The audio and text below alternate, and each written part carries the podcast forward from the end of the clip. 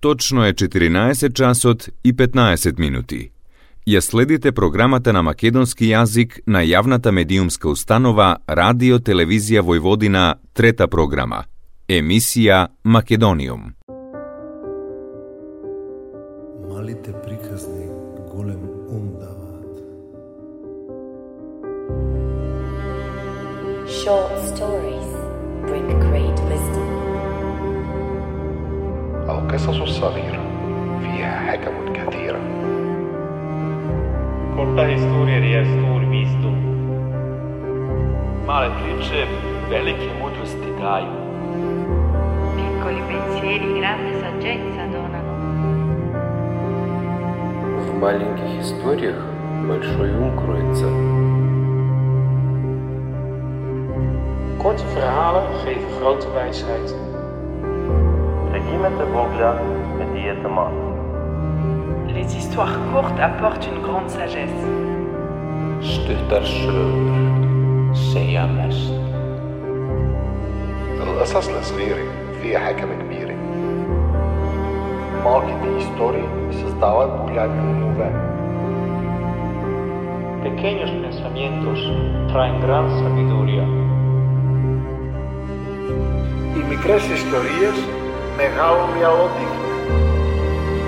Die kleine Geschichten große Weisheit geben.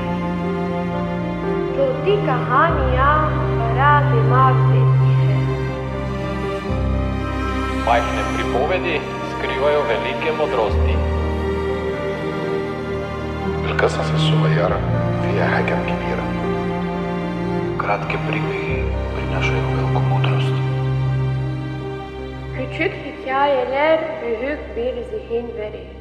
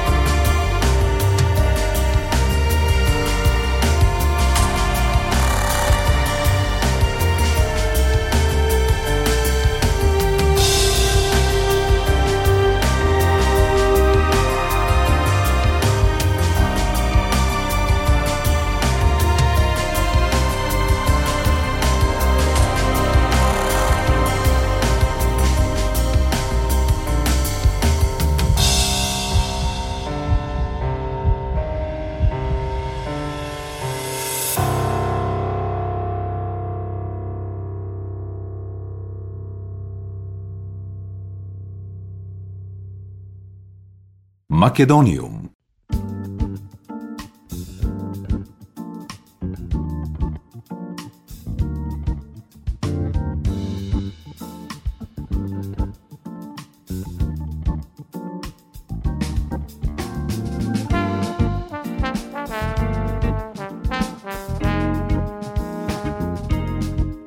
Добар ден и добре дојдовте во најновото издание на емисијата Македониум.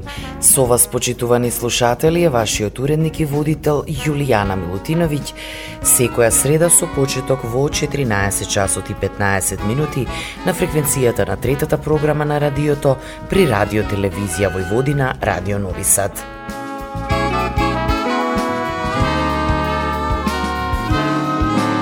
Македониум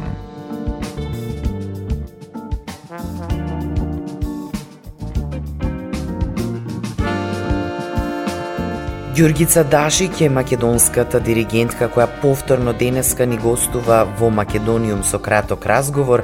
На мое големо задоволство после октомвриското гостување лани во истата оваа емисија, овој пат најава за гостувањето на камерниот оркестар Профундис во Нови Сад.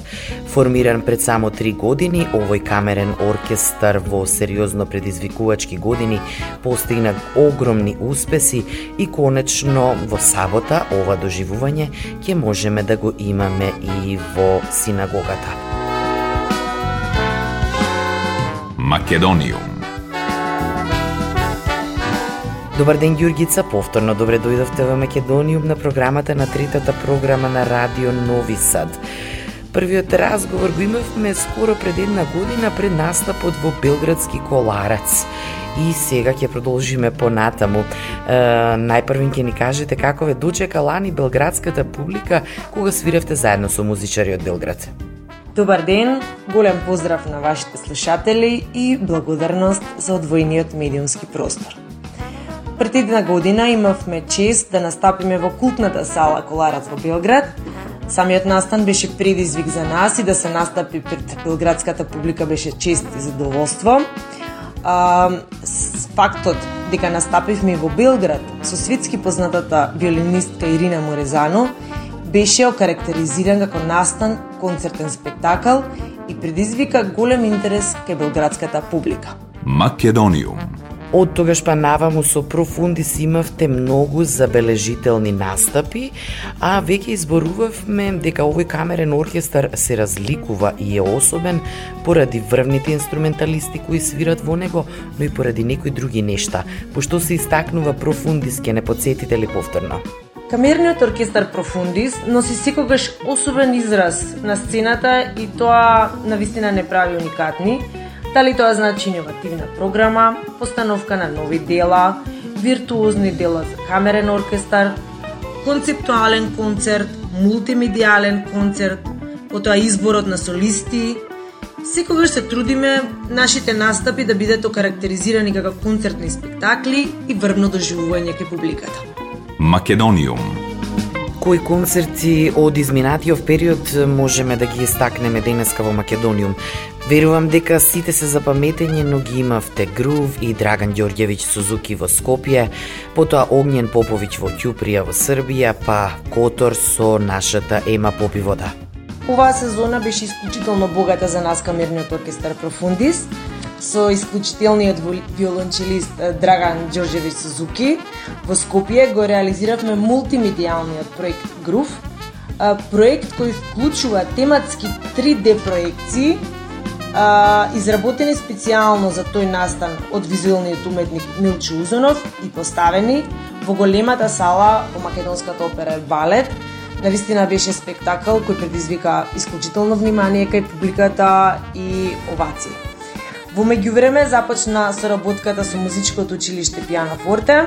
Започнавме проект кој ги вклучува дечињата од училиштето и им овозможува да, да видат како изгледа работата на еден професионален камерен оркестар, како изгледа работата со диригент, можност да музицираат заедно со нас, можност исто така да имаат и оркестар професионален да ги прати во соло изведба и така натаму. Профунди се исклучително горд на својата едукативна мисија и се надеваме дека соработките само ќе се умножуваат и збогатуваат. Исто така, во соработка со Балкан Опера Студио и Литванската опера, солисти од Литванската опера, реализиравме уникатен настан, три неделен мастер-клас кој финишираше со комплетно поставување на едно од најпознатите опери на Моцарт, Свадбата на Фигаро. Настапот на врвниот фестивал за класична музика Раванелиос во Чуприја беше голема чест и задоволство да се музицира со Огнен Попович, еден од недобрите кларинетисти на Балканот, беше на вистина чест и предизвика исклучителни позитивни реакции ке публиката во Чуприја. Секако учиството да се биде дел од официјалната програма на еден од најреномираните балкански фестивали Котор Арт, за нас представуваше потврда дека правецот по кој чекориме е во вистинска насока. Во Котор Арт настапивме со нашата мајстрална пианистка Ема Попујвода, со која го изведовме со која изведовме низината авторска композиција Суперсоник, настан кој предизвика овации кај публиката. Македониум Јас за прв пат ќе имам чест да ве слушнам во Новосадска синагога и Новосадската публика ќе има можност да ве слушне со фантастичната виолинистка Ирина Мурезану, со која гостувавте во Коларец во Белград, а имавте и концерт во Скопје. Нови Сад е прекрасен град за отворање на нова концертна сезона, есенска особено. Какви се плановите после концертот во Нови Сад? Можноста да се настапи во Нови Сад град на културата за 2022 во концертен простор како синагогата, за нас е чиста инспирација. Се радуваме на можноста повторно да соработуваме со уникатната виолинистка Ирина Морезано и да се представиме пред новосадската публика. После Нови Сад не чека концертот со светски познатиот виолинист Роман Симович на 16 октомври во Националната филхармонија во Скопје. Многу идеи, соработки и гостувања ќе одбележат и оваа концертна сезона и однапред се радуваме. Македониум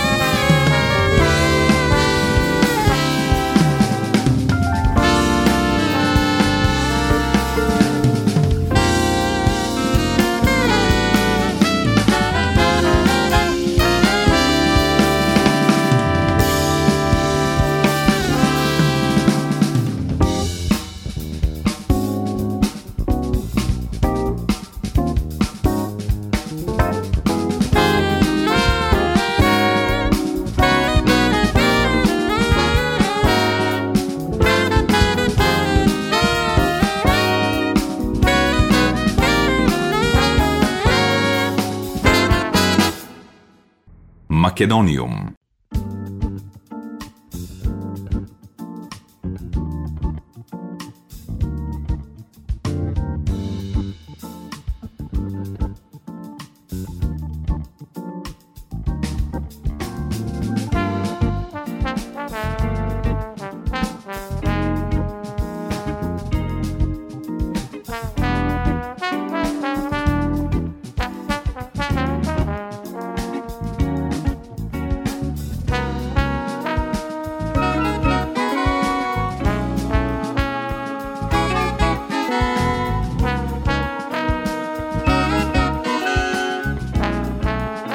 Крајот од емисијата, уште еднаш да подсетам на концертот кој ќе имаме можност да го слушаме во сабота на 23 септември со почеток во 20 часот во Новосадска синагога.